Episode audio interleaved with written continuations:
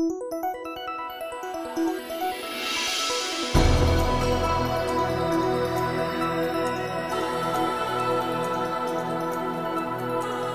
нэвтрүүлгээр бид өчигдрөөс хойш өнөөдрийг хүртэл үргэлжилж байгаа нь хоёр сэдв байна. Нэг нь бол Unitel-ийн сүлжээ тасардаг асуудлыг ярьж байна. За нэг нь бол Монгол Ардын намын 100 жилийн яваг дагсан сэтгэлдлүүдийг бас хүргэе гэж бас бодлоо. Тэгээд телевиз орчинд бол манайх энэ талаар бол нэлээд хөгжилтэй хөгжилтэй байр суурьудаа илэрхийлж байгаа харагдсан. Өчигдөр Unitel компанийн хувьд бол сүлжээний өргөтгөл хийж байгаа гэсэн тайлбартаагаар ерөөхдөө техникийн шинжилгээ хийж ингээд нэг сүлжээг нэг хэсэг хугацаанд бол тасалт бас. За үүнтэй холбоотойгоор Skytel, Mobicom, G-Mobile, Unitel 3-ын логог тавьчихсан нэг зураг яваад байсан тий. Тэгээд зургны яг гол тайлбар нь юу вэ гэхээр Skytel-ийн нөхдүүд хэлсэн байна тий. Хаа хаа төрүүлж алхна гэж байгаа бүдэрч гисэн үү? Чаавастаа гэд Unitel рүү хандаад. Тэгээ Unitel болохоор танах шиг ирээдэг өнгөлн энэ төр гэж ход ход попрохгүй гэд.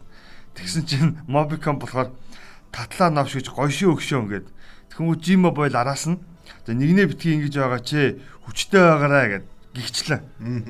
Баярлалаа гэд Unitel нь хариу G-Mobile хариу өгч байгаа тий. Тэгээ энийг бол яг энэ бол зүгээр нарийн фан хэлбэрээр хөгжилтэй маягаар хийсэн зүйл. Энэ ямар нэгэн одоо манай өрн операторд хоорондоо ингэж мессеж чадсан зүйл байхгүй гэдгийг бас ойлгох хэрэгтэй.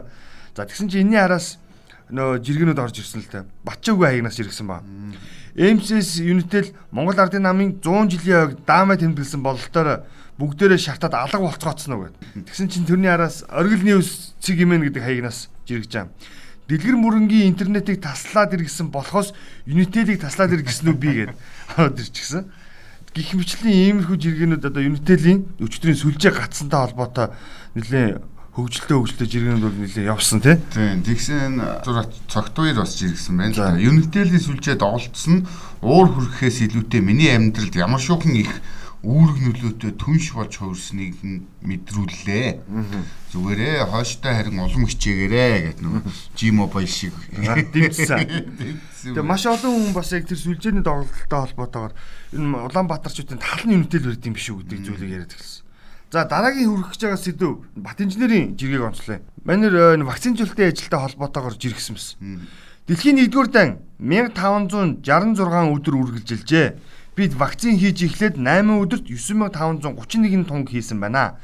Энэ хурдаараа зорилт хүмүүсээ ядаж нэг тунгаар вакцинжуулах гэвэл бидэнд 1692 буюу 4 жил 7 сар 1-7 хоногтой хэрэгтэй болох нэ гэсэн. Тэгээ энэ вакцинжилт явц хитрхи удаан байна гэдэг шүүмжлэрөөсөө тасрахгүй байгаа. Хувийн компаниуд буюу өөрөөр хэлбэл хувийн хвшлийнхэн бол эрүүл мэндийн яам хэрэгзээ вакцин оруулж ирэх хувийн хвшлүүдийг оруулж ирэх зөвшөөрлийг олгочих юм бол эхлүүлээ гэдэг. Зарим нэг хувийн хвшлийнхэн за зөвшөөрөл гарчих юм бол ажилчтай өтөр төргөн вакцинжуулмаар байна өөрсдийнхөө хөрөнгөөрөө. А түүний хариуд нь нөгөө нэг Монсын эрдэнчмийн хариулт яваадсэн тий. Яам зөвшөөрөл олгочвол бид нийлүүлэхэд бэлэн байна гэдэг. Иймэрхүү жиргэнүүд ороод ирсэн. За дараагийн нэг бас сайн ч гэж хэлж болох маш гоё жишг болсон жиргээ байгаа. Лүндгийн Наранбаатар жиргсэн. А тэр ихтэй нөгөө 3 харьцах 3 Монголиа гээд сагсан бөмбөгийн багийн жиргээг ретвит хийсэн буюу шеэрлсэн байгаа. Ингэж байна. 8 дугаар ангийн тэлэг хичээлийг 3 харьцан 3 сагсан бөмбөгийн Монголын шигшээ багийн залуучууд багаараа сайн хамтран ажиллаж амжилтанд хүрсэн жишээ болон дурддагдсан тэлэг хичээл дээр гарлаа. Гоё шүү. Тэгэхээр бидний сургалтын агуулга програм дээр ялангуяа Монголын за энэ иймэрхүү шин залуу үеийн үлгэрэл болсон зүйлсүүдийг гэж оруулж ирэх нь бас нэг талтай шин төвшлөлтэй алхам.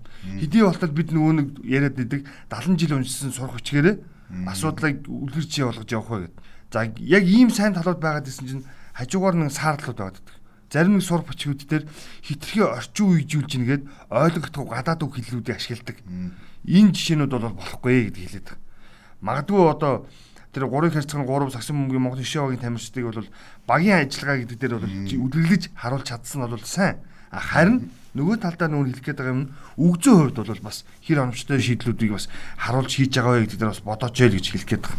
Аа харин тийм энэ одоо бид нар чинь шал өөр бид нар чинь хуучин багийн спорт гэхээс илүү монголчууд ганцаарчлсан спортод илүү үр дүнтэй амжилт үзүүлдэгэ гэдэг байсан болвол эн чин багийн спортоор бидний амжилт гаргаж чаддгийм байна гэдгийг яалтчгүй залуучуудын сагсан бөмбөгийн тэмэрчд харуулдаг байгаа тийм ээ. Ер нь өнөөдөр хувийн компаниуд аль үйл ажиллагаанд цэгцэрсэн сайн үйл ажиллагаатай явж байгаа манай шилдэг гэж байгаа урдаа барьж байгаа компаниуд бол нэг л зүйлийг онцолдог болсон. Өв хүний нөгөө чадвар боловсрол гэхээсээ илүүтэй багаар ажиллах чадварыг илүү тавьдаг болсон нэг тод илэрлэл нь бол нөгөө хамтын хүчээр зүйлийг урагшлнаа гэдгийг онцлоод байгааг энэ дэлхийн жишгийг дагж байгаа ийм үйл явдал болоод байна тийм. Тэгээд энэ дэр би зүгээр онцлоод нэг зүйлийг бас өргөжлүүлээд хэлэхэд манайхын төрийн алба руу амар өндөр хахуул өгөөд за айгүй өндөр шат дараалтаа босгод авчиж ор. За хахуулыг хаяад За тэр нөө өндөр босгыг нь зөвшөөрөх юм бол сайн хүмүүс ажилламаар юм шиг харагдаад байна. Гэтэл тийхгүй төрийн албанд ерөөсөө хялбар аргаар хурдан богино хугацаанд баяжгсан нөхдүүд ордог. Ийм а хувийн хөвшил болохоор хөдөлмөрлөе. За тодорхой хэмжээнд бүтээ. Тийм үү? Одоо энэ байгаа насаа одоо тодорхой хэмжээнд үр хөвтөлтэй байлаа гэдэг хүмүүс нь ханддаг. За ингээд энэ хоёр үзэл гараад ирсэн. Гэтэл нөгөө талдаа бас нэг юм зүйл гараад ирсэн. Хувийн хөвшлийнхэн хүнийг За өглөөний 8 цагаас оройн 22 цаг хүртэл ажилуулад баг цалин олгодог нэг ийм сул тал гараад ирчихсэн. Тэгэхээр бид нэр энэ дэр ямар реформ хийх ёстой юм бэ? Ямар өөрчлөлт хийх ёстой юм бэ? Магадгүй чадaltaй мундаг мэдлэгтэй залуучуудаа хувийн хвшлэн аваад ажиллуулж байгаа боловч хон цалингийн үнэлэмжийн өндөр болгож. Тэгээ хувийн хвшлийнх нь за жишээлбэл төгсөөг ажилд аваад за өндөр цалин өглөө. Төгсөөгөөс авч болох бүх юмыг би авч байгаа. Өндөр цалин өгч. Гэтэл Гамбар гэдэг төрийн албаагч төгсөөгийн ажиллаж байгаа хувийн компаниг очиод татвараар дарамтлагдаг. Босод нөгөө зүйн байдлаар дарамт. Ингээд ирэхээр нөгөө хувийн хөвшлийнхэн ажилтнаа олгох гэсэн цалингаа Гамбар төлдөг. Эргээ төрдөө төлдөг. Ингээ хувийн хвшлэг цалингаа нэмж чадахгүй байгаа нэг ийм дүр зураг болчиход. Тэгээ миний цалин тантчдаг тийм. Тэгээ тэгээ чиний цалин. Тэгээ хүн хаана ажиллах вэ ерөөс ажиллах бодохгүй наа л гэдэг зүйл яриад байгаа шүү дээ. Тэгээд хэд чи нөгөө яг наадхан дээр чинь өмнөх дугаарууд дээр чи бас дурдчихсэн тий. Нөгөө гадаадад яагаад энэ хөгжилтэй хөгжилтэй орнуудад гудамжны бизнес байгаад байна гэдэг чи яг энэтэй холбоотой тийм нөгөө зөвшөөрөл олгодгүй тэр гарааны бизнесүүдийг бол дэмжиж идэг ямар нэгэн татварын хөгжилтэй юм тий нэгдэг тийм юм байх тийм учраас тэнд тэр бизнес хөгжөөд байна гэдэг нь яг наатхантай ч холбоотой байгаа. Тэгсэн чинь энд нэг жиргээ онцлмоор санагдлаа. Энэ нөгөө 10 их 80-ийн төлөвлөгөөг засгийн газраас хэрэгжүүлэхээр одоо эхэлж байгаа. Тэгсэн чинь нөгөө сайн хажуугаар саар гихчээр энэ мөнгөний баггүй нь буюу 3 их 80-ыг нь ипотекийн зээл зарцуулна гэдэг юм гэсэн. Тийм нүг 100000 залуучийн орон сууц байна гэдэг шүү дээ. Тэгсэн чинь засаг тхан Атна АЭС гэдэг хаягнаас жиргсэн бай. Бэлэн мөнгөөр авбал 1.2 сая төгрөг. Ипотекийн зээлээр авбал 1.8 сая төгрөгөөр байрнууд метр квадратаа үнэлж байна. Энэ яг ямар учиртай үн тогтоогод байна вэ? Энэ байрны үн чинь яахаараа ийм хоёр өөр байдаг юм бэ? Энэ хууль дүрм журамд нийцвүү? Ямар учиртай юм болоо гэдэг. Нөгөө ипотекийн зээл хөөцөлтөд эргэлтэнд ороод ирэнгүүт нь компаниуд нь сонин хөгийн нөгөө гажил арга хэмжээгээ авж шít бэлэн мөнгөөр авах юм бол өгчий. А ипотекийн зээл бол гэвэл өсөж алдах учраас өсөгчий гэдэг. Ерөөсөө ингэ нуглаа гэдэг байгаа байхгүй. Одоо энээс одоо бэлэн мөнгөөр төлөөд байр захиалах юм бол тухайн байрыг одоо юу гэдэг гүйцэтгэгч компани борлуулагч компани бол бага хэмжээний татвар төлөх гэдэг шүү дээ. Маш их хэмжээний мөнгийг богино хугацаанд аваад түүнийг хурдан эргэлдэх. За ингээ удаан хугацааны буюу ипотекийн зээлд хамрагдах юм бол мөнгөний тухайн насаар байршаад авах учраас татварын төлөлт нь явагдаад байна. Мөнгөний эргэлт нь саарна гэж тооцоод үндсэндээ хүн өсгөө үнийн өсгөө. Тэр энэ зохицуултыг манай энэ нөхдүүд бас хараач л гэж. За тэгвэл миний дараагийн жиргээ нэг ийм жиргээ. Ундах тамиргийн хаягнаас Монгол Ардын нам засаглах бодлогоор реформын шинжтэй эрсдэлтэй том ажлыг хийхээс зугтаадаг. Ардчилсан нам засаглах боломж олдсон дээр гялалзуулаад авъя гэсэн бодлогоор том том эрсдэлтэй ажлуудыг барьж аваад гэсэн ба. Энэ хоёр талтай бас. Ардын нам бол удаан засаглая тий нөө нэг өм цөм мэдэхгүй өм хөмхөр идья гэж ярьдаг тийм үү. За тэгвэл арчилсан нам болохоор за одоо л бариад авчигээ бүгдийг нь өм цөм хийгээ ячдаг. За тэрнээсээ болоод нэг эдгэнч төр хийдгэнч төр адилхан дүүдэг. Тэгээ ийм нөхцөл байдлаа яваад ах юм бол энэ улс чи хөгжихгүй. Өөрөөр хэлэх юм бол за удаан засаглах гэж байгаа юм бол за хурдан засаглахтайгаа адилхан бүх том ажлуудыг зэрэг хийх хэрэгтэй гэж хэлэх гээд байгаа юм. Тэгэхгүй хоёлоо өөрсдөө даваа талаа буюу өөрсдийнх нь даваа талыг ашиглаад тий үндсэндээ нэг ийм алхам хийгээд идэг нэг юм ойлгомжгүй дүр зур яваад байгаа. Тэрийг жишээлбэл одоо би зүгээр энтэй холбосон юм. Цогтойр зураач нэг шог зураач За өглөөний мэд үргийа нэг зураг тавьсан байгаа. Тэр зураг нь болохоор үйл мэдэх гэн цэцгэн отхон шүү дээ. Тэр нөхөр ингэ зогссон. Тэгээд өглөөний мэд үргийа ирээдүйн японочдоо Энэ насандаа биш гэсэн ч хойд насандаа баталгаатай хөгжнө гэдгийг сонссон чинь мангар баяртай ийг өөдрөг байна шүү. Банзаа гэсэн байгаа заа. Тэгээ нөгөө үр мэдгхэн цэцгэн хотхны нөхөр юу ч хэлж ийнэ гэхээр цэцгэн хотхны нийт иргэдээ та нарыг Японд байгаа юм шиг л амьдруулна гоё. Гэхдээ 100 жилийн дараагаас гэсэн. Ерөөс энэ багхгүй. Сая ардын намын реформ нүг удаан жилийн хугацаатай реформ гэдэг чинь энэ л болчиход байгаа. Уг нь хурдан их юм бол тэр 100 жилийг найшлуулмаар байна шүү дээ. Жишээлбэл сая ардын намын 100 жилийн ойтой холбоотойгоор их хурлын дарга тэгээ хэлчихсэн тийм. Япон лугаа адил гэж хэлчихсэн. Хоёлоо хэлжсэн. Гэтэл ардын намын удирдах зөвлөлийн гишүүн улсын их хурлын гишүүн нэг нөхөр өгдөг бас. Тэр хүн нь болохоор юу гэж хэлчихсэн бэхээр 100 жилийн ирээдүйн 100 жилд хөгжиё гэж хэлчихсэн. Ингэхэр чи юу гэж ойлгох юм бэ л гэдэг байгаа байхгүй юу? Тэр 100 жилийнхэн удаан хөгжлийг нааш татъя л да төхөө хэдүүлээ.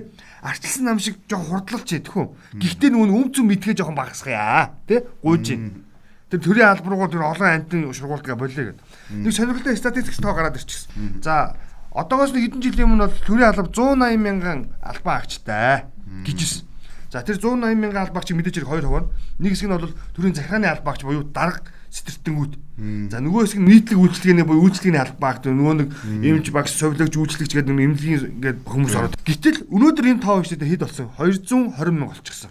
Төрийн албаагч. Тэгэхээр чинь 200 мянган төрийн албаагч дотор үйлчлэгээний салбар нь өсөөгүй. Захиргааны салбарын ажилтны албаагч нь тогсчихсон. Тэгэхээр дарга сэтгүүлтийн тоо нэмэгдсэн байна гэж ойлгох зүү.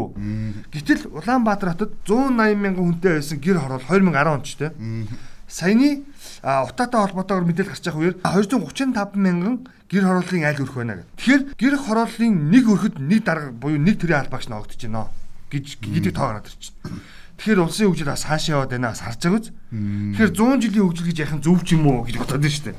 Одоо тэгээ бид нэр 100 жилийн өмнө нөгөө шавар тагцсандаа гэрээ барьсан модон жирлэндөө байж исэн одоо ч Улаанбаатарт ийм л байж л байна тий. 100 жилийн өмнө бид нэр дэнлүү бариад байж исэн одоо ч Улаанбаатарт товгүй дэнлүү бариад лаа барай байж байгаа 30 мянган өрх байж л байна. 30 мянган өрх. Тэгээ хөгжил гэж юуг тодорхойлохыг гэдэг нь эндээс бол харагдах бах тий. Тэгсэн чинь тариан гэгддэг цэнгүүн захирж иргэжээ. За. Энэ нэгдсэн үндэсний байгууллага үнэхээр биш ээ. Улс орныг сүйтгэж устгах хорон санаа агуулдаг болжээ. Нүүрсний ач тусаар Монгол улс эрчим хүчтэй экспортоос олдог валюттай олон мянган хүн ажил орлоготой улсын төсвөнд татвартай байгаа. Би нэгдсэн үндэсний байгууллагын дарга нь нүүрсэнд ний төс томоохон төслүүдэд зарцаах те хөмхийг улс орны засгийн газруудаас үрээлс засгийн газруудад үрээлсэн тийм мэдээлэл хийсэн энэний дагуу иргэсэн байна. Тэгсэн чинь манад байдал ямар вэ вэ гэд ингээд харсан чинь энэ оргил ол эс гэдэг хаягнаас иргэсэн байна л. Дулаан газрын дулааны инженер Монголд ирээд дулааны төсөл зөвлөдөг байвал яах вэ? Мөсийг зөвхөн хөлдөөгчнөөс үдсэн хүн сарын 10 20 мянган доллараар долларын цалинтайгаар Монголд ажиллана. Сэргээгдэх эрчим хүчч бас ийм л аргаар явж байна. Ёстой тавилын юм да. Тэгээ яг энэ нүүби энэ саний мэдээлэл гарсантай холбогдуулаад бас нэг мэдээлэл хөрөхөд Орсын холбооноос жишээлбэл бүгд хятад ард улс руу жилдээ 150 сая тонн гэлөө би тоог нь буруу санаж магадгүй нүүрс экспортлох юм шийдвэр гарсан. За гисэн чинь за энэ экспортын тодорхой хувь нь буюу транзит тээвэр нь Монголын төмөр замаар дамжигдана гэдэг. Тэгвэл Монгол улс хаашаа бэлтгэлээ бацааж ийн вэ гэж асуух хэрэгтэй байна. Гэтэл манайх болохоор уршаа төмөр замаа тавиад байгаа тий. Хоошоо нэгч тавиаг. Тэгэхээр бид нар энэ хоёр хуршийг нэгт бодлоготой юус ягаад уялдахгүй байна гэж асуух гэдэг шүү дээ. Одоо бол юусэн манайх төмөр замын нэгхэн салаа зам тий. Нэгхэн урсгал замтай. Тодорхой тоочгоо дээр нэг 2-оос 3 игний зам гарч ирдэг. Бус нөхцөл. Тэгвэл бид нар магадгүй энэ уртлын 5 7 гэж яригадаад байгаа төмөр замаа ярьж байгаагаа зэрэгцээд хойдолтой бас транзитийн төмөр замын асуудлыг ярил яа зүв байсан юм биш үсттэй гэж хэлэх гээд байна. Одоо тэгээд дүүрчээ. Одоо тэгээд нэгэн ч гэсэн ашиглалтанд орж ив. Ямар ч орчхоос эхний ээлж тий. За дараагийнх нь Батуулдгаа хигнаас цалингаа үрж дуусаагүй байхад л дараагийн цалин буух болчихдог юмаа гэд гуцаа цоож яхаасаа гэд. Одоо яг ингэ альдаа бол эсрэгээр байгаа шүү. Цалин буулаа маргааш нь хөшөө 5 4 зөөлхөө гэд нэг иймэрхүү хандлагатай яваад байдаг тий. Тааш нь цалин ч болохоор өмнөх зээлдээ дуусаад маргаашнаас нь ахиж зээл цалин хүртлээд торгоох мөнгө хэрэгтэй шүү дээ. Тэг ийм үстэй яваад байдаг. Тэгсэн чинь манай сонсогч нар Bloomberg телевизийн захирал гэдгээр нь мэднэ. Долгион жилжээ. За. Мэдээлэлтэй хүн баяждаг, хэрэгтэй зөв шийдвэр гаргадаг, баримжаатай баримжаатай бэлэн байдаг. Bloomberg TV бол иргэдийг монголчуудыг мэдээлэлтэй байлгах дэлхийн стандартаа. Жишээ нь хүнс барааны үн удахгүй өснөө бэлэн үү? Яагаад доорхтойг хардаа ойлгомжгүй байна гэж үү? Bloomberg телевизийг хараарай гэдэг. Тэгсэн чинь доор нь ямар байна вэ хүснэгт байна вэ гэхлээр нөгөө хүнсний бүтээгдэхүүний нийлүүлэлт буурч байгаа үзүүлэлт график байгаа даа. Дэлхийн зах зээл дээр. Тийм. Тэгэхээр бид нар бас энд бэлтгэлтэй байх нь зүгээр байх наа. Хэрэгтэй хэрэггүй юм янз янзын одоо оддуудын гэр бүлийн асуудлын маргааныг цэцүүлаацлж ихлээр энийг бас нэг хараад бэлтгэлээ базааж ивэл илүү дээр баха. За наад жиргэний чинь доотлог би бас харсан. Доотлогыг уншсан л да. Тэгсэн чинь айгу хоёр юм гарч ирсэн. Нэгэн дээр нь болохоор хүнс үдэ аж ахуйн яамны зүгээс бол хүнсний нийлүүлэлт ямарваа нэгэн байдлаар тасалдах нөхцөл одоогор хаанч үсээгүй. Манайх бол 4 5 сар хүртэл бол асуудалгүй хүнсний нийлүүлэлттэй байна гэдэг асуудлыг ярьсан. Гэхдээ энэ дээр нэг тайлбар хэлсэн. Хүнс үдэ аж ахуйн бол үн тогтоодог байгууллага биш. Нийлүүлэлтийг хангадаг байгууллага. Үн гэдэг бол одоо Монгол улсад мөрдөгдөж байгаа зах зээлийн зарчмаараа шийдэгдэнэ. Тодорхой бараа. Тийм тодорхой зүйл тийм. Тэгээд зах зээлийн зарчмаар шийдэгдэнэ. Харин тодорхой монопол эрхтэй гэж хэлэгдэг тийм үү? Зарим компаниудын тухай гэх юм бол магадгүй үнийг өсгөхгүй байх тал дээр засгийн газартай хамтран ажиллах нөгөө нэг өмнө нэрж үн тогтоомжлох хөтөлбөр гэдэг шиг энэ ажил бол яригдаж болно гэдэг зүйлийг хэлсэн. За энэ нэг үзүр нь тийм үү. А гэтэл нөгөө үзүр нь болохоор сая Univision компани Bloomberg телевизийн сувгийн байршлыг өөрчлөөд хоошин шидчихсэн. За ингээд энэ дээр жишээлбэл Bloomberg телевизийн эсрэг реакцлж байгаа юм биш үстэй гэдэг юм хартал доор нь бичигдсэн бэл. Яг тэр Bloomberg телевиз чи өөрөө Монголд бол томоохон хөрөнгө оруулагчтай ийм телевиз. За ингээд олон улсын сүлжээ телевизийн одоо салбар нь шүү дээ нэгсэндээ. Гадны хөрөнгө оруулалттай. Ингээд магадгүй Монгол дахь нөгөө нөлөөлөл бүхий хөрөнгө оруулагчдаар дамжуулан үнд өөрчлөлт хийх гэсэн ийм тий занал хийлсэн алхам биш үсттэй гэсэн ийм зүйлээрч л Тэгээ бүх зүйл хоёр талтай гэдгээр хоёр талын мэдээллийг ингэж хоёулыг нь хүргэж байгаа шалтгаан энэ. Тэгэхээр манай эрхэм мэрэгэн сонсогч бол өөр өөртөө хараараа. Гэхдээ ямар ч мэдээлэл яг түрүүн дэлгөөний хэлдгээр бол одоо мэдээлэлтэй хүн болоод мэдлэгтэй байдаг, мэдлэгтэй байж гэх юм эрсдлээс даван тулах чадварыг бас өөрсдөндөө авч үлдэх хаа гэдгийг бас ойлгох хэрэгтэй тийм ээ. За дараагийн нэг жиргээ танин мэдхүн жиргээ байна. Зүрх 2021 зүрх гэдэг хаягнаас. Энэ бол зургаар илэрхийлсэн бидгээ уншчихлаа шүү. За Улаанбаатар гэдэг Оросуудын өгсөн нэр гэдэг билүү бас туваа буриадад мөн адилхан баха бид хизээ нийслэл хотоо өөртөө нэрээ өгөх вэ? Мань зүгээр асуусан юм аа. 100 жил болоход гэр хорлолцоос салаагүй л нийслэлдээ тэгэхээр Хүрээ Баатар гэж нэрлэх санал гаргачих гинэ. Тэгсэн чинь хариултанд нь Америк зуг элчин сайд Отгон баяр Улаанбаатар гэж Шамблын хаан Рэгдэн жавын нэр шүү дээ гэд бичсэн байна. Тэгсэн чинь Баабурга дотолд нийтэлж орд ирсэн. За гэхдээ Улаанбаатарын нэрийг Рискуло өгсөн гэдгээ бас син кантаймагаас санаа авсан гэж гардаг. Юутаач бурхан шашиндаа хамаагүй Оросууд л дээд үүд хотыг улаан үүд хэвлэлдэр хотыг кизил улаан болгосон. Харин улаангом буюу улаан элс угаасаа байсан нэрэ кизилүм улаангом гэдэг нэр өгсөн байна. Тэр энэ нэр бол мэдээж түүхийн олон талын маргаан дагуулдаг тийм ээ. Нэршлиг хаанаас хэн олгосон бэ гэдэг. Энэ дэр Чи бас гайгүй юм мэдээд байдаг санагдах юм. Энэ би зүгээр нэг юу уншижээс анхны үндсэн хуулийг баталж депутатуудын оролцож исэн протоколыг харж исэн. Тэгэхэд бас энэ янз янзаар л хэлж исэн байдаг л тэр читэл нөгөө тэр депутатууд одоо үндсэн хууль баталцж байгаа тэр төлөөлөгч нар дунд бид нар яг хинбэ гэдгээ сайн ойлгоогүй байсан хүмүүс хүртэл зөндөө байдаг. Тэрэн дээр одоо нэрийг нь санахгүй энэ нэр ярьж яхад бид нар нөгөө Ар Монголын Бээжин гэд нэр өгчигээд санал хүртэл гаргаж ирсэн байгаа. Тэгээ ингээ явсаар хагаад Баатар гэж нэрлэе гэд ингэж жагаад яг тэр нөгөө Оросын хөрөө бидний нөгөө нэг тэр бурхан шашинтай холбогдохоорч тийм тохиргоогийн бүрдүүлээд энэ нэрийг авсан байт юм байлээ. Бид сонирхоод үзэх юм бол нөгөө анх дугаар үндсэн хуулийг баталж исэн протокол дээр бол энэ талаар маш дэлгэрэнгүй байдаг. Товуу гэдэг нэртэй нөхөр Ар Монголын бэйжин болгочихё гэдэг чинь бид нар тэр хятадаас салцсан гэдгийг тэр үед ухаараагүй хүмүүс хүртэлтийн сууж исэн л байгаа байхгүй. За дараагийн нэг надад ийм жиргээ байна. Ад жаргалгийн хаягнаас гой зураг оруулчихсан байгаа. За төмөр зам авт зам дээгүүр ийм ногоон байгууламж бүхий гарц хийцэн. Тэгээ нэг жам тал хээр говь цүлийн бүс нутагт за авто зам болон төмөр зам дагуу зэрлэг амьтад зориулсан гарцыг нь нутаг сэлгэх үржил гих мэд асар том нөлөө үзүүлдэг. Гэвч энэ нь Монгол төдийлөн хөгжөөг маш бага яригдаг асуудал гэж би хэлээд байгаа штэ. Мэдэж байгаа үедтэй гэж саний зургийг оруулчихсан.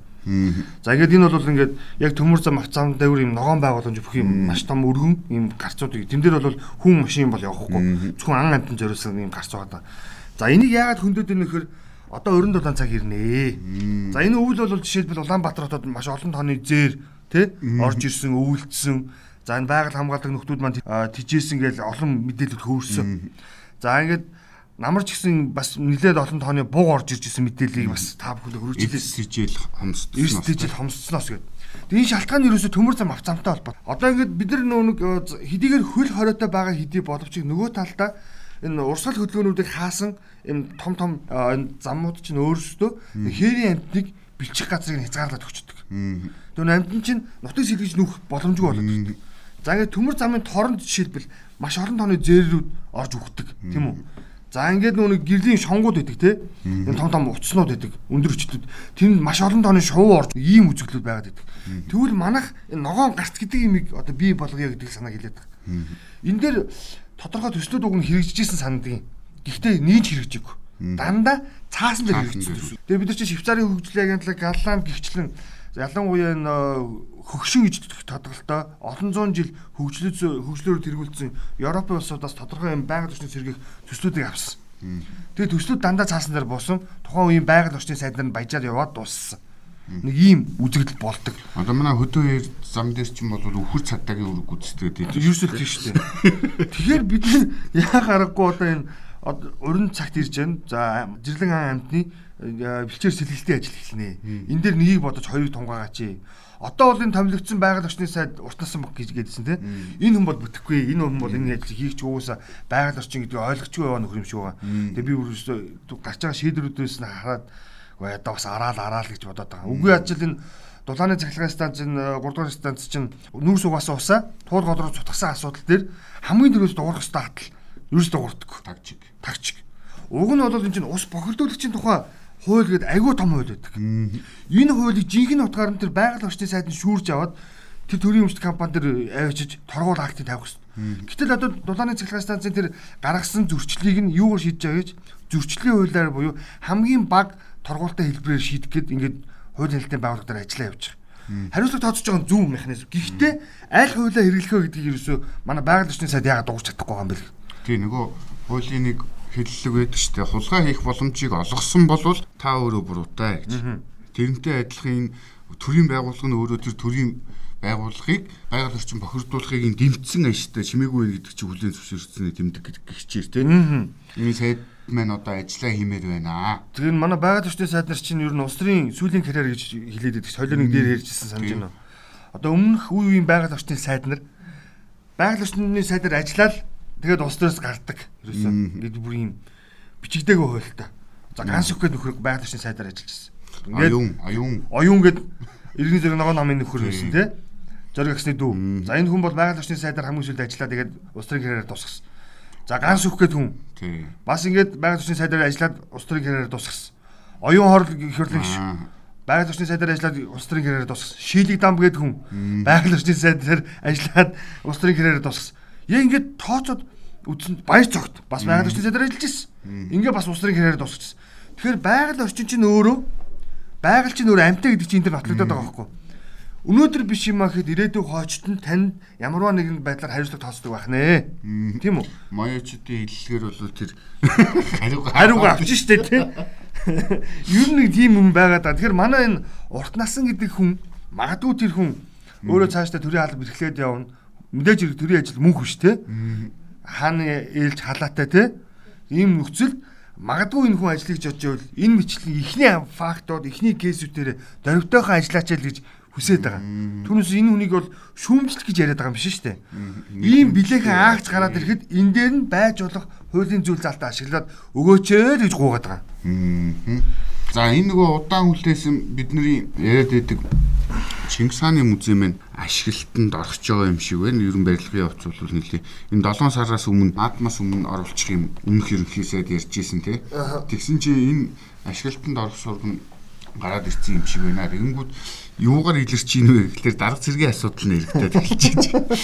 Тэгсэн чи наахаа гэд жиргээч жиргсэн байна. Чингис хааны музейн захирлаар чулууныг томсноос дэлгэр мөрнийг томссон арай дээр бицтэй баг гэсэн чи дооронд тэгж ин бадмар гэд. Нэг нь хулгайд алдцсан гэд өөлөн дуулаад нөгөөх нь гадагш зөөдгөөрөө алдаршаагүй билүү музейн захирал хийчих хүн Монголд үнэхээр алах уу тийм шүү дээ. За чулуун гэдэг нөхөр чинь бол асуудал та тий.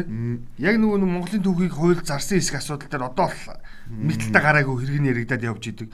Өөрөө л үгүй ээ. No би зараагүй хэлсэн тий. Гэхдээ тэр хамтын хамтын ажиллагаа гэж тайлбарлаад байгаа. А гэтэл ч мэддэг түүхчүүд нь болохоор үгүй хамтын ажиллагаа байсан бол энэ тэр түүхийн бичиг баримтаар бүтээгдэж байгаа бүтээлүүч яагаад Монголд орж ирэхгүй байгаа нэгт. Монголд орж ирэхээр яагаад Монгол хувь хүртэхгүй байгаа. Хоёр яагаад энийг Монголын гэж хэлэхгүй байгаа. Хятадын гэж яваад байгаа гэдгийг л асуугаад байгаа шүү дээ. Ер нь бол хэрвээ хамтын ажиллагаа болсон бол чинь Хятад Монгол хоёр улсын гэж хэлэгдээд тийм үү? Энэ нь бол ингээ өмчлөл нь оюуны өмчин за ингээ 50% нь Монгол улс эзэмшнэ. 50% нь Хятад улс эзэмшнэ гэд явах хэрэгтэй юм шиг байгаа. Гэтэл тийм байхгүй 100% Хятад улсын өмчлөлийн асуудал, Хятадын түүхийн асуудал гэж бичигдэж байгаа нь өөрөө энэ түүхээ зарсан гэдэг ийм шүүмжил дагуулад байна. Тэр э, номыг нь зургийг нь харахад бол хоёр улсын хоорондын хэлцээрийн дагуу ингэсэн гэж тайлбартай юм байлээ. Энэ түүхчид хүмүүсүүд яагаад ингэ эсэргүүцээд энэ сайдыгаа эсэргүүцээд байсан бэ гэхэлэр миний ойлголтоор болвол за одоо шинжлэх ухааны бүтээлүүд ном документууд дээр нь оролцоогүй ээжиж өөрийнхөө авторыг тавих гээд байдаг. Нэгдүгээр редактороо тавих гээд байдаг. Ийм тулгын шаардлагатай тулгарсан учраас хүүхчид их дургууталч тэгээ нөгөө дайран дээр давс гэдэг шиг юм болсон юм шиг байна. А тэр түүхийн нөгөө архивын асуудал дээр бол бас зарим хүмүүс бол яриад байгаа. Манайх энэ нөгөө хятад хил дээр энэ гарч байгаа нь манай энэ түүхийн баримт бичгүүдийг бол эргэлтэнд оруулж байгаа хэрэгээ. Дэлхийн улс орнууд манайх гэхээсээ илүүтэй энэ олон үндэс юутай хүн амтай энэ улсын хэвлэлтээр хилтээр хэвлэгдснээр нэгдүгээрт хүлэн зөвшөөрөх магад өндөрсөн дээр нь эргэлтэнд орох магадлал ихсэн гэж юм тайлбарлалт юм бэлээ. Зээ бас байж болох хөлбөр тийм ээ. За тэгвэл би над музейтэй ч холбоотой бас нэг зүйлийг онцолж хэлмээр санагдаад. Энэ музейн төсөл бол музейн барилга бол маш өндөр амбицтай. Ийм барилга байгууллаа одоо 7 сарын 1-ээс өмнө буюу наадмаас өмнө үндсэндээ бол ашиглалтанд орно гэдэг чинь маш маш гоё мэдээ байна. Уг нь бол үүх түүхээ иргэн сануулсан тий. Тэгээд маш өндөр амбицтай төсөл хэрэгжиж чадж байгаа юм байна. Тэгвэл нэг амбицгүй төсөл байна. Нөгөө нэг үндэсний төв номын сангийн барилгын ажил. За миний санаж байгаагаар бол одоо мөхс миний биеэр гэдэг шиг хэлэх юм бол 3 удаа тэр барилгын ажлыг шав тавьсан. Хамгийн анх бол Монгол улсын ерөнхийлөгчөөр хэлжсэн намрын инхвэр гэдэг хүн энэ шавыг тавьчихсан. За тэрнээс хойш За үндэсний номын сангийнхаа өөртөө очныг шат тавьсан. За ингээд дараа нь барилгын хэрэгжүүлэгч компани тэгээд номын сангийн удирдлагууд боловсролын хамтаа хамтраад бас нэг шав тавьчихсан. Тэгээ 3 удаа шав тавьсан. Тэр одоо одоо тэгсэн чинь барилгын ажил нь үндсэндээ араа мань босчихсон. Одоо Америк элчингийн тэмд 14 орлын тэмд байгаа шүү дээ. За ингээд үндсэндээ нэг юм спорт заалны шат шиг хэлбэртэй нэг юм барилга байгаа за барих ашиглалтанд орох болоогүй ээ хүлээгдээлээд хүлээгдээлээд. Зарцсан. зарцсан. Яагаад явдгийг мэдгүй ойлгодог. Тэгээд манай энэ үндэсний номын сангийн нөхдүүд удирдлагууд маань бас жоохон шахаж өгмөр байгаа байхгүй. Урд нь энэ үндэсний номын сан чинь өөрөө яг энэ Чингис хааны түүхийн музейтэй адилхан Монголын асар том түүхийн өв соёлыг хадгалж байгаа газар байгаад байдаг. Бүхэн санаж байгаа бол Төв номын сангийн барилгын ашиглалтын хугацаа бол эдгээр дуусчихсан. За ингээд ном дэвтрүүд нь хадгалж байгаа ном содрууд нь үндсэндээ зориултын бус орчинд хадгалагддаг. Чигшил байхгүйгоос хит их хураас ч гсэн. За ингээд магадгүй ямар нэгэн эрсдэл үүрэхэд тухайн цаасууд нь өмөрч унахаар хэмжээний ийм орчин бүрдчихчлээ. Тийм учраас ажилтнууд нь савн төмпөнд ус хийж тавиад ингээд харж байгаа дүр зураг гаргаж арга чигшил олгож байгаа тийм. Тэгэхдээ ийм амбиц мото байгаад байна уу эсвэл энийг явуулах байх сонирхол байгаад байна уу гэдгийг асуух гэдэг. Одоо тэгсэн чинь саяхан бид нэг үйл явдлыг харлаа шүү дээ. Америк нэгдсэн улсын ерөнхийлөгчтэй холбоотой асуудал дээр энэ Трампын талынхан конгрессийн орднорууд айсан тий. Энэ дээр нэг анзаарчихсан юм бол хамгийн түрүүнд юуг хамгаалтанд авч хамгийн дургуутслаа хүмүүс илэрхийлсэн бэ тэрийг эсэргүүцсэн бэ гэдэг нь болохоор конгрессийн номын сан. Номын сан шууд хамгаалсан шүү дээ энэ олон зуун жилийн түүхтэй энэ дэлхийн номнуудыг цуглуулсан энэ үнэт төвийг болоод бидний энэ нэг ерөнхийлөгчийн суудал сандлаас илүү ач холбогдолтой гэдгээ тэр хүмүүс хин хин мэдчихээн. Тэгэхэд манайх нөгөө нэг э, сайхан номын сан байдгүй тий төрийн нэг дүүргийн зүгээр нэг муу тамгын газрын бат хангалттай багтж байгаа гой гой байшин байсаар байтал ордон барайл байдаг. Тэгээ бүх дүүргүүд одоо шинэ ордон шинэ ордон барьцсан тий. Засаг дарга нар чинь ерөөсөө сая 20 оноос 16 оноос хойш бүгд шинэ ордон барьж байгаа. Тэгэхэд номын сан байдгүй. Дээр нөгөө нэг улстай ганц гэжсэн түлэнхийн төвийн барилга яасан бэ байхгүй эдэн жил болж байгаа юм. Чи бодоод үзтээ. За Чингис хааны музей гоё. Гоё. Би бол үгүйсэхгүй. Үнэхээр үгүйсэхгүй. Гэхдээ тэр дотор тавих үзмэр хэр их байгаа вэ? Нэг. Үзмрийн хэдэн хувь нь оригинал буюу их болтроо байх вэ? Тэг чи одоо нөгөө манай ганц мундаг одоо хүмүүс л хийж таарах байх л та нөгөө уралдаг тий. Тэр хийх хүмүүс нь ч тодорхой юм шиг байна. Тэгээ нөгөө дандаа ийм хийсвэр хийж уурж музей үзмрийг үзүүлнэ гэдэг байгаа байхгүй. Тэгэхээр чинь яг үндсэн олдорууд бол байхгүй. А тэгвэл зинхэнэ үндсэн олдорууд буюу үндсэн одоо үзмрүүд нь байгаа газар төв номын сан биш шүү. Тэгвэл тэрийг энэ чинь хурдан төв номын сан ашиглалтанд оруулаач. Нөө нэг Монгол улс чинь хөгжлийн хөтөлбөр гэдэг зүйлийг нэг 2000 оноос хойш нэг 200 гаруй хөгжлийн хөтөлбөр гэдэг зүйл баталсан байдаг гинэ. Тэгээ энэ хөгжлийн хөтөлбөрүүд яагаад хэрэгждэг юм бэ гэдээ асуусан. Тэгсэн чинь бүгд амбицгүй гэж. Тэгээд нэг засаг даргач гэдэг юм уу нэг засаг засгийн газар өөрчлөгдөөч гэдэг юм нэг яам солигдохоор л тэр хөтөлбөр нь унцдаг. Яагаад гэхээр тэр нөгөө хөтөлбөр дээр бүх яамаа бүх засаг дарга оролцсон байсан гинэ. Тэгээд нэгэн солигчор өө энэ эндээ доголцтой хэрэгжих боломжгүй гэдэг ингээ онгачдаг юм байсан. Ийм өчүүхэн бодолтой буюу амбицгүй хөтөлбөрүүдийг баталдаг. За түүнийг маш олон цаг сууж цаас зарлагдаж хөрөнгө мөнгө төсөвлөж хийдэг. Нэг юм заван ажиллаад болчмоор байгаа. Тийм би зүгээр тэгж анзаараад байдаг шүү дээ. Энэ сонгуулаа сонгуулийн мөчлөг дээр гарч ирж байгаа эрх баригч нар өмнөх эрх баригчдийнхаа хийсэн бүтээснийг энэ баллууртах гэсээр гоо хамаг цагаа барчдаг. Дараагийн үлдсэн цагаа болох тэр нөгөө нэг сонгуулийн оноо авахын тулд хийдэг нэг юм нөгөө тэр нь хийж байгаа ажил нь өөрөө утга учиргүй учраас тэр нь дандаа үргэлгэн өмнөхөө үгүйсгсэн тим юм руу яваад тэгээ ерөөсөө наалтч одоо энэ мөнгө мөнгө ороод ирэхлээр халамж таргаа ичдэг тий. Дараагийн процесс байна шүү дээ. Одоо өмнөх 4 жилд хийсэн нөхдүүдээ дараагийн 4 жилд гарч ирсэн хүмүүс шалгадаг. Энэ болгож надаас хийдсэн баг. Би энэс арай дутуу идэж болохгүй шүү гэд. Энд ямар нэгэн байдлаар хэрэг тохих ёстой гэд өмнө ажиллаж исэн бүх хүмүүсийнхаа ажилд нь шалгалт оруулдаг. За тэрэндээ хэнийг ашигладаг гэхээр нөгөө нэг муу нэртэй луу данстай хууль ихнийг ашигладаг. За ингээд арталт нь хуулийн байгууллага арт түмэнд яаж харагддаг вэ гэхээр улс төрчдийн захиалгаар хөдөлгөө болж харагддаг. Ерөөсөө л нөхдүүд ийм л юм хийгээд. Энийг аль болио л. Тийм. Гэхдээ чинь нөгөө бидний муу хэлээ үзээ ядаад байдаг хятад улс таминэ. За яаж юм? Цагийн хуваар нь ийм гинэ. Бас 6 цагт сэрж, унд цайгаа ууж дасгалаа хийдэг. 8 цаг гэхэд ажиллаа эхэлсэн байдаг. 12-оос 1-ийн хооронд үдийн цайндаа нэгээс 2 өнгөртөл англиар бол power nap буюу гээд сайн дуг хийж авна орой 10 өнгөрөөд орондоо. Тий нөгөө мундаг хөдөлмөрлөөд яадаг нууц нь бас эндээ байна л гэдэг санаагаар нийтроо жиргсэн байна. Жиргсэн байна. Наадмын чи хартал нөгөө нэг Томоко жиргсэн бэл. Японы дотоод амьдралын хувьд за нилээд харанхуй шүү. Харанхуйтай ажилдаа яваад 17 гэд харанхуй болоод тэгээд гэртээ ирнэ. Монголын зүүн гоё штэ дуусахгүй залуу нас шиг. Тий. Тэгэхээр Япон интерт ч одоо кинон дээрээч бид нэр зөндөө хардаг очиж үзэж байгаа хүмүүс бол мэдчил үүдэг тий. Метрон бүгдээр ингээ унтцсан явж идэв. Нэхийг нь тэр жил чинь яг цагийг үүрэгтэй ашиглаад байгаа юм. Өглөө эрт за тэр маш их ажиллаж ядарч ш тэр хүн. 5 6 цагт гэрээсээ гараад метронд сунаа. Тий. Цаг явна. Тэгээ ажлын байран дээр 8-д очиод хөдөлмөрлөн. Орой ажиллаад хараад Ингээд харанхуй болохоор буцаад метрондоо суугаад явна. Гэртээ зөвхөн унтахад хүрэхтэй очиж штэ. Бос өдрийн цагаар зөвхөн хөдөлмөрлөж байна. За тэгсэн чинь тэр жиргэнүүдийн дараас нь чинь бид нөгөө төгжрэлтэй харих гэж шунтж байгаа ажилд ирэх гэж шунтж байгаа нь ерөөсөө болохгүй байна гэдэг шиг. Гэтэ болно болно бас дандаа юм харлуулад байх. Бас нэг жиргэж орж ирсэн байсан. Амар бат гээд юу гэсэн байсан гэхээр өглөө 7 цагт ажлыг эхлүүлэх нь зөвөө. Тэгтээ 16 цагт тараая гэж. Инхийн бол бас нөгөө нэг хувь хүний гэрте гарах цаг өөрчлөгдөнө. Одоо чинь бид нар чинь гэр бүлсэг амтай монголчууд чинь бас нэг бас гадныхыг бодох юм бол нэг бүлэрхэг хүмүүс шүү дээ харьцангуй шүү дээ тий. Тэгээд нөгөө тэр бүлэн сүйдээ жалаг давны үзэл болоод манаа сум болоод манаа багийнхан болоо явцдаг. Тэгээд энэ э, тийм учраас энэ гэртээ зарцуулах цагийг нөгөө талдаа төгжрлээ бас тооцоолох үүднээс те. Хааштай бид нэр метро хийж чадахгүй нийтийн тээврээ зөв шийдэж чадаагүй давхар замаа барьж одоо дараагийн 100 жил байх билүү дээ барьж чадаагүй байгаа юм чи ямар ч хэлсэн. Тэгвэл ажлын хуваарлтаа өөрчлөё тий. Магадгүй бүх арт түмний өглөө 7 цагт ажил эхлүүлэх гэх юм бол эхлэн шүү дээ.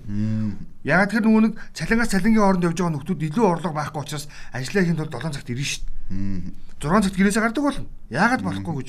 Дэлхийн ард түмэн ягаа яваад хад Монголын ард түмэн заавал 8-9 эхлэх ёстой юм. Орос Монгол хоёр ихээр нэг өглөө юм онгодгүй орой юм хаадаг нэг хоёр газар авах ёстой юм. Тийм биз дээ. Тийм шүү дээ. Тэгэхээр энийг жоохон амьдралын хэв маягаа бид нар өөрчилъё гэж хэлээд байгаа шүү дээ. За Ирчлээд оргио гэдэг хаягнаас жиргэжээ. Өнөөдөр Монгол улсын 5 дахь ерөнхийлөгчийн төрсөн өдөр юм байна. Баярын мэнд төргийа. Ерөнхийлөгч 1963 оны 3 сарын 3-ны өдөр мэндэлжээ гэдэг. Би энэ постыг яагаад авсан бэ гэхээр төрийн тэргүүн болох ч хүн тэгш таатай өдөр юм уу баярын өдөр төрөх ёстой гэж хэлэх гээд байна. Энд ч одоо энэ хоёроо 6 сарын 1-нд төрсөн. Тэгээд миний санаж байгаагаар бол инхойр гэдэг хүн бол 6 сарын 1 болгоноор за нүхтийн аманд амьдардаг байхдаа бол хүүхдүүд авч баярлалдаг гэсэн. Одоо бол ингээд бас тодорхой хүүхдийн баяраар хүүхдүүдэд тэмдэглэдэг гэдэг. За тэгсэн чинь дараа нь элбэг дөрж гарч ирсэн. Уг нь бол өөр өдөр төрсөн юм байл л дээ. Тэгсэн чинь манай хүн чинь он сараа өөрчлөөд 3 сарын 8 бол гачихсан. Эмгтээчүүд Мартин. Тэгээ эмгтээчүүдтэйгээ хамчуу гэдэг. Энэ чинь улс төрчдийн тактик ах л та. Төрсөн өдөр бол чухал биш. Тэ? Тэгвэл манай Батологын хэлэгч бол 3 сарын 3 төрсөн юм байна. Тэгш таатай өдөр төрсөн юм байна. За тэгвэл энэ өөрчлөөг байх гэж найдаж байгаа. Одоо энэ жил ерөнхийлөгчийн сонгуул болно. Магадгүй ерөнхийлөгчийн сонгуульд нэр дэвших гэж горилж байгаа нөхдүүд дотроо бас бодчихлоо байх те энэ хүн болгон дотор бүх юм л багтдаг байна. Одоо гой нөгөө зэрэг нэмхийн өмнөх шиг ингээд төсөөлж байгаа шүү дээ. За би ерөнхийлөгч болчихлоо. Тэр хүмүүс бол одоо энэ он сар дээр их ажиллаарай гэж зөвлөх гээд байгаа. Магадгүй та бас нэг сонин тий муу өдөр төрсөн жоох юм дэлхийн жорлонгийн өдөр төрсөн байвал хэцүү шүү дээ. 11 сарын 19 чинь дэлхийн жорлонгийн өдөр тэр чинь бас нэг хөвгөлтэй жиргээ орсон байсан шүү дээ. Арай ээж зүтгэж зүтгэж нэг ирчүүдийн өдөртөө болоод давхсан чинь жорлонгийн өдөр нь ч өвдөө гэдэг. Тий. Угийн эрэгтэйчүүдийн өдөр байдаг тий. Олон улсын. Олон улсын. Тэгсэн чинь нөгөө өдөр нь явж дэлхийн жорлонгийн өдөр болоод харцдаг. Нэг ийм л хувь зайтай хүмүүс гэдэг шиг. Тэгэхээр төрсөн өдөр дээр бас анхаараарай гэж бас бяцхан зөвлөгөө юм тийм үү? За дараагийн жиргээ чинийх. Надад нэг ийм жиргээ. Чиний чи явж байгаа. Тэгээд энэ манайх нөгөө вакцина хийж чадахгүй байгаа ч гэсэн өөрхий PCR-ийнхаа шинжилгээг бол нэмэгдүүлж байгаа юм байна. За тоог нь цэгийн тоог нь цэгийн тоог нь өнөөдрөөс эхлээд нийт 22 цэгт болгосон талаар нэг л сайт жиргсэн байна. Аа нэмэгдүүлж өмнө нь одоо 8-аар нэмэгдүүлсэн байна. Нь тэгэхээр 10 14 байж. Тэгэхээр бас нөгөө хөдөө орон нутаг руу явж байгаа иргэд маань нэг энэ PCR үзүүлж явж байгаа бас хоронгостой харихад тэг нэмээд хүмүүсийн ачааллыг бол нэг өчтөрөө бол нэлээд олон хэвлэл мэдээлэл хэрэгслэр за энэ тийм ч гэсэн бас жиргсэн байсан өнөө өглөө. Юу гэж жиргсэн байсан цэвүүд дээр өөрөө нөгөө нэг хавтал үүсэх эрсдэл бий болчлоо. Дугаарлал бөөгнөл гэдэг бий болчлоо. За зарим цэвүүд бүр бэлий байхгүй гээд шууд өдөр нь хаалгаагаа явчихчихна гэж. Тэр хүмүүс нь очил үгүй одоо бид нар чи хөдөө гадаа ажиллаа төлөвлөсөн гэдэг өгмөр байж тэгэхээр бэлий дуусцаа гэд. Тэгээ тэр аа тэр нөр хатгууруу шүү дээ шинжилгээ аваад байгаа PCR аваад байгаа. Тэрнийхэн тоотойгоо дүүцгэж хэмжээний ягаад бэли тавьчих болохгүй байгаа юм бэ гэж асуух байгаа шүү. Тий. Одоо тэгсэн чинь нөгөө нийслэлээр хотын дарга эрүүл мэндийн яамд нь буцаа гэдэг нэг амар үнэтэй маскны энэ дэр зарлалцсан яваад ийсэн тий. Тэгсэн өчигдөр бас энэ асуудал ирж гарч ирсэн. Шадар сай эрүүл мэндийн нөгөө ажил хүүхдийн ариутгал халдваргүйжүүлэлтийн хэрэгслүүд ямар байгаа талаар танилцсан чинь нүдний шилнэ гэж нэг хүүхдийн тоглоом шиг юм. Аа хамгаалж байгаа халдвар хамгааллыг нь хувцсных нь маск нь ерөөсөө шаардлага анхахгүй байна гэж юм. Тэгэхээр ингээ явсан чинь юутай холбоотой вэ? Хаанаас энэ нийлүүлээд байна гэсэн чинь нөгөө бизнес хийдэг сэтгхүүдээрээ бизнес хийцэн. Өндөр үнэтэй. Тий өндөр үнэтэй ач холбогдол шаардлага, чанарын шаардлага хангахгүй тийм хэрэгсэн шахацсан нэмэлж махаал яваад байна. Тэгээд энийг бас зэгцэлж чадахгүй байхад бид нар одоо вакцин вакцин том юм яриад ичмэрч юм шиг юм үзэгдээд байна. Энэ тань гэхдээ нэг сайхан зар байна. Ажлын байрны зар юм байна. Гэхдээ яа тий уншаад өчи хоёр ч гэсэн хүн ажилтаа борлоготой болж ивэл те багийн буюу Б Батмөх гэдэг хаягнаас жиргсэн байна. Үйл ажиллагаагаа эхэлж байгаа шинэ компанид утасны оператор хийх боломжтой хөгжлийн бэрхшээлтэй хоёр эмэгтэйг гэрээсээ ажиллах боломжтой гинэ. Ажилд авнаа. Та бүгдийг таньж мэддэг хүн байвал хэл дуулгаж өгөөрэй. Хоёр гэр бүлийг ч гэсэн орлоготой байлгаж чадлаараа дэмжээд гэв. Аа. Нэр манайхан ч жоохон хуулиараа 50-с дээш ажилтаа ажилтнтай болвол нэг хөгжлийн бэрхшээлтэй иргэн байна ч гэдэг юм ингээ зохицуулсан ч гэсэн энийг тэр болгон биелэлтүү те манай хөгжлийн бэрхшээлтэй иргэд маань тоотой итгэн л газарт ажил хөгжлийн бэрхшээлтэй иргэдийг ажилд авах хэсэг асуудал төр манай байгууллагууд аягүй хойроо ханддаг л да. Зөвхөн тоо бүглэх хэлбэрээр ажилдаг. За ер нь бол энэ хөгжлийн бэрхшээлтэй иргэдэг ажлын байраар хангаад явах юм бол энэ хүмүүс чинь орлого багт иргэдэг нь орохооргүй юм билээ шүү дээ. Уг нь цөөх юм билээ шүү дээ. Тэгээ нөгөө талдаа нөгөө нийгэм нь өөрөө нөгөө очныг нь бүрдүүлдэг. Яг санаж нь хөгжлийн бэрхшээлтэй иргэдэг орц гарц гэхээр нэг зүгнүү өстө үжиглэх байдлыг гурилдаа хайчдаг. Хачаач юм хийгээ хайчдаг. Энэ байдлыг одоо болох хэрэгтэй гэж хэлэх гээд байгаа юм л та. Тий одоо энэ манай зүгээр нийслэлийн засаг даргын тамгын газрын хангарт ордны хөгжлийн бэрхшээлтэй хүн зориулсан зам шат байгаа шүү дээ. Тэргээр бол зүгээр хөгжлийн бэрхшээлтэй тэрэгцэртэй хүн байдгаа мань митэн нисээд хүчээр огцом огцом. Тэ бэлтаа. Тэ эсвэл ингээд явган хүний зам нь гэхэд хөгжлийн бэрхшээлтэй хүмүүс зориулсан зам нь гэхэд ингээд дагаа явж байхлаа шом өргөчхөр байж идэг тий. Тиймэрхүү тиймэрхүү нэг юм сэтгэлгүй мэдрэмжгүй юм хийдэг. Аа хэл нэг жишээ. Байна энэ залуу шиг тэгээд уган ийм байдлаар хандаад өгвөл бид нар асуултыг дорн шийдчих боломжтой л байгаа юм тий. За надад нэг ийм жиргээ байна. Оюунгүй хаягнаас жиргсэн. Тэр нэг айгу урт юм байл би товч утгыг хэлээд өгч. Circle гэдэг нэг э, юуны үйлчлэгийн төвийн хогийн савнд нэг э, нэрэ хайцсан асуудал гарсан тий. Энэ бол маш аимшигтай. Тэгээд тухайн эмэгтэйд 18 жилийн ял төлөвлөсөн гэсэн ийм мэдээлэл гарсан байна. Тэгээ энийг бол доотлол жиргэнүүд янз бүрээр бичсэн билээ хүн харилж чадахгүй бол яаж төрүүлсэн мөрүүлсэн гэж янз бүр юм явж. Тэгэхээр гол нь зүгээр миний харсан үнцэг миний тэр жиргэнүүдээс харсан зураг бол юу гэж харагдсан бэхээр нийгэмд ийм жишг тогтоох ч юм уу да гэд. Яг тэр сүүлийн үед нөх хүүхдэд хайж байгаа ийм тохиолдлууд нэг бус удаа бүртгэгдсэн. Тийм цочирдом цочирдом нэг юм хүний санаанд багтамгүй нэг юм аимшигтай юмэр үйлдэл гаргаад штэ нөхдүүд. Яагаад энэ хэрэг нэг тижээж чадахгүй байгаамаа. Эсвэл ингээд эцэг нь хаваагүй маа. Эсвэл манай гэрийн зөвшөөрөхгүй юм. Янз бүрийн гэр бүлийн нөхцөл байдлаас үүдээд хүүхдээ орхих явдал үзэгдээд байгаа. Энэ бол айгүй харамсалтай хэрэг байхгүй. Тэгэхээр тухайн үйлдэл гаргасан эмэгтэйд бол одоогийн байдлаар 18 жилийн яал буюу бие хамгаалах чадваргүй байгаа нөхцөлд санаатаар хүний аим насыг хохироосон гэдэг үндслээр 18 жилийн ялтад өгч байгаа гэсэн ийм мэдээлэл байгаа. Шүүхтэр бол асуудал очоогүй прокурорын байгууллага дээр бол байна гэсэн. Тэгэхээр энэ дээр бол бид нийгмээрээ бас бодох хэрэгтэй. Магадгүй. Таны хажууд тий та байдаггүй мөн таны хажууд тийм нөхцөл байдал үүсэх юм бол тэр үүдийн бяцхан хүүхдийг ч гэдэм асрамжийн газар аваачих юм. Эсвэл тухайн үрхийг нь орлоготой болгоход нь бүгдээрээ санаа тавья гэж уриалах гэдэг. Хүүхдээ хайтлан бити хүнийг бас нийгмээр хад үзэчээл гэж бас хэлнэ шүү дээ. Үүл гарсныхан дараа тэр хүнийг нийгмээр хад үзэж байгаа байхгүй чи ямар хариас балиар ба ба ба төр гэдэг өчнөнөөр дуудаж чинь тийм үү. Гэтэл нөгөө хүнээд артталт нь бас том амьдрал байгаа байхгүй эцэг нь зөвшөөрөхгүй, гэр бүл нь зөвшөөрөхгүй, эсвэл орлогогүй, ямар ч одоо амьдрах цаашаа гээд нөгөө хүүхдээ аваад явах боломжгүй болсон. Маш олон учир шалтгаан байгаа. Би өмөрж байгаа биш гэж яагаад хэлж байгаа шүү заяа. Тийм учраас ийм нөхцөл үүсвэл магадгүй тэр хүүний тийм хүүхдээ хаягч байгаа үйлдэлээс нь урдж тийм үү? Асамжийн газар төхөөлдөг, хин нэгэнд өргүүлдэг, өмчлүүлдэг тийм. Ийм алхам руу эсвэл тэр хүнийг ажлын байртаа болох алхам руу бид нар бие бинийгээ түлхийе л гэж уриалах гэдэг байхгүй.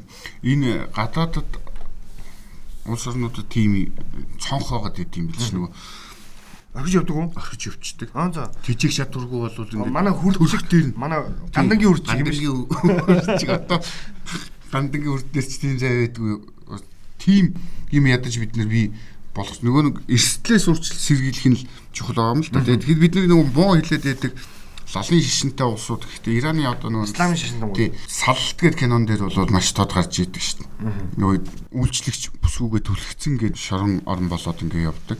Тэгсэн тэр тэр улсуудад болохоор юу гэж үздэг вэ гэхлээр эхийн эвлээд байгаа үрийг бол ямар нэгэн байдлаар зулбуулах ч юм уу эрсдэлд оруулах юм бол амь насыг хүн амны хэрэг үйлцэн гэж үздэг хуультай юм байна. Тийм учраас тэрийг маш өндөр зэрэг хамгаалдаг хуулийн хамгаалт нь тэр Одоо энэ шүүхээр яг ялан дээд бодлого өгж байгаа байх л та тий. Төлөвлөж байгаа байх тий. Аваад байгаа бол тэрийг одоо тэр хэмжээнд л аваач тавих гэдэг нь л гэсэн үг тий. Ядаж нөгөө нэг хамсарт нь бас нэг жоох юм хийгээд жишг болох гэдэг шүү жишг болох гэдэг шүү нөгөө талдаа бол чиний хэлдэг ялтчгүй бас нэг бид нар чинь үнэхээр аргагүй ихэнд нэг хэцүү байдалд орж байгаа тийм тохиолдлууд бол тэрнээс болоод ийм нөгөө нэг гимт хэрэгт холбогддог ч юм уу ийм тохиолдлууд бол маш олон байгаагийн нэг жишээ нь бас байхыг үгүйсэхгүй тийм. Тэгээ энэ дэр бол яг урдсан сэргийлэл гэдэг үүднээс л ярьж байгаа. За өөр нэг онцгойлоод өнөөдрийн жиргэн дээр онцлоод бас нэг хэлэхэд нэг ийм юм байсан. Өнгөрсөн 2019 оноос хойш 2021 оны хугацаанд батлан хамгаалгын салбарт ялангуяа зэрэгт пааж байсан 7 хүн 7 зэрэг албаагч амнаас алц зэрэг явдал гарсан мэт юм. Тухайн үед бол 19 онд бол Батлангуулаас ч инх болт Нимагийн инх бол гэж хүн байсан. Энэ хүн ямар нэг хариуцлага тооцох асуудал яригдаагүй. За одоо тэгвэл 2021 он гарсаа үндсэндээ бол хоёр зэргийн асуудал яригдсан. Нэг нь бол миний хамгийн тооцоолж байгаа 2 сарын 7-ны хэрэг явдал байгаа. Амин орлсон, золгүй дээр амин алдсан. Нэг зэргийн албаагчийн асуудал байдаг. Энэ дээр бол шахал дарамт үзүүлсэн үгүй эсэх асуудал бас яригддаг. Тэгтэл манай зэвсэг төвчний батлан хамгаалахын салбар маань одоо 3 сарын 18-нд зэвсэг төвчний 100 жилийн ойгоо тэмдэглэгээ зууж идэг. Бид энэ 100 жилийн ойгоо хүний амиар тэмдэглэх үү, хариуцлагаар тэмдэглэх үү гэдгээ ярих ёстой. Одоо бид нар мөрчтэй маш олон хүний нэр энэ дэр зэрэг яригддаг. Нэг үхрийн дээр өгвөл мянган үхрийн иврээ. Эн чинь тухайн анги салбар буюу тухайн хувь цэргийн албаагч сэтгэл зүйн байдалтай холбоотой хэрэг боловч нөгөө талдаа чи салбарын хэмжээний нэр хүндийн асуудал байна. Ягаан амиа хорлох төхөх тий. Тэгэхээр бид нар энэ дээр бас нэг анхаарал хандуулаач гэж хэлгээд байна. Гэр орон гэхээс илүү холбоо сүлбөөгүй цэргийн ангитл байж байгаа юм шүү дээ. Тэгээ бид нар чинь одоо 100 жилийнхээ энэ ардын жоромт цэрэг гэдэг байгаа шүү дээ Жоромт тий. Журам гэж юу гэсэн үг юм? Журам гэж юу гэсэн үг юм? Журамлал гэсэн үг тий. Тэгэхээр журмаа барья. Тийм журмаа барьмаар байгаа байхгүй юу? За Радио жиргэн нэвтрүүлгийн өнөөдрийн дугаар энэ хүрээд өндөрлөх болсон байна. Найруулагч ууртаагаар тохиж байна. Нэг жиргээг уншаад дуусгах чинь. Дуурж өгөө хаягнаас. Сөрөг бүхнээс эерэг зүйлийг олж харж чадвал амьдрал чинь гэрэл гээгээр дүүрэн байх болно. Сайн явах санааных сайхан төрөх заяаных гэдгээ хүн заяанд та нэг л амьдраад буцахын хооронд үргэлжид сайныг бодож сайхан руу тэмвэл санаа сайн бол заяа сайн. Баяртай. Гэж дараагийн дугаараар олзъя гэж тийм үү?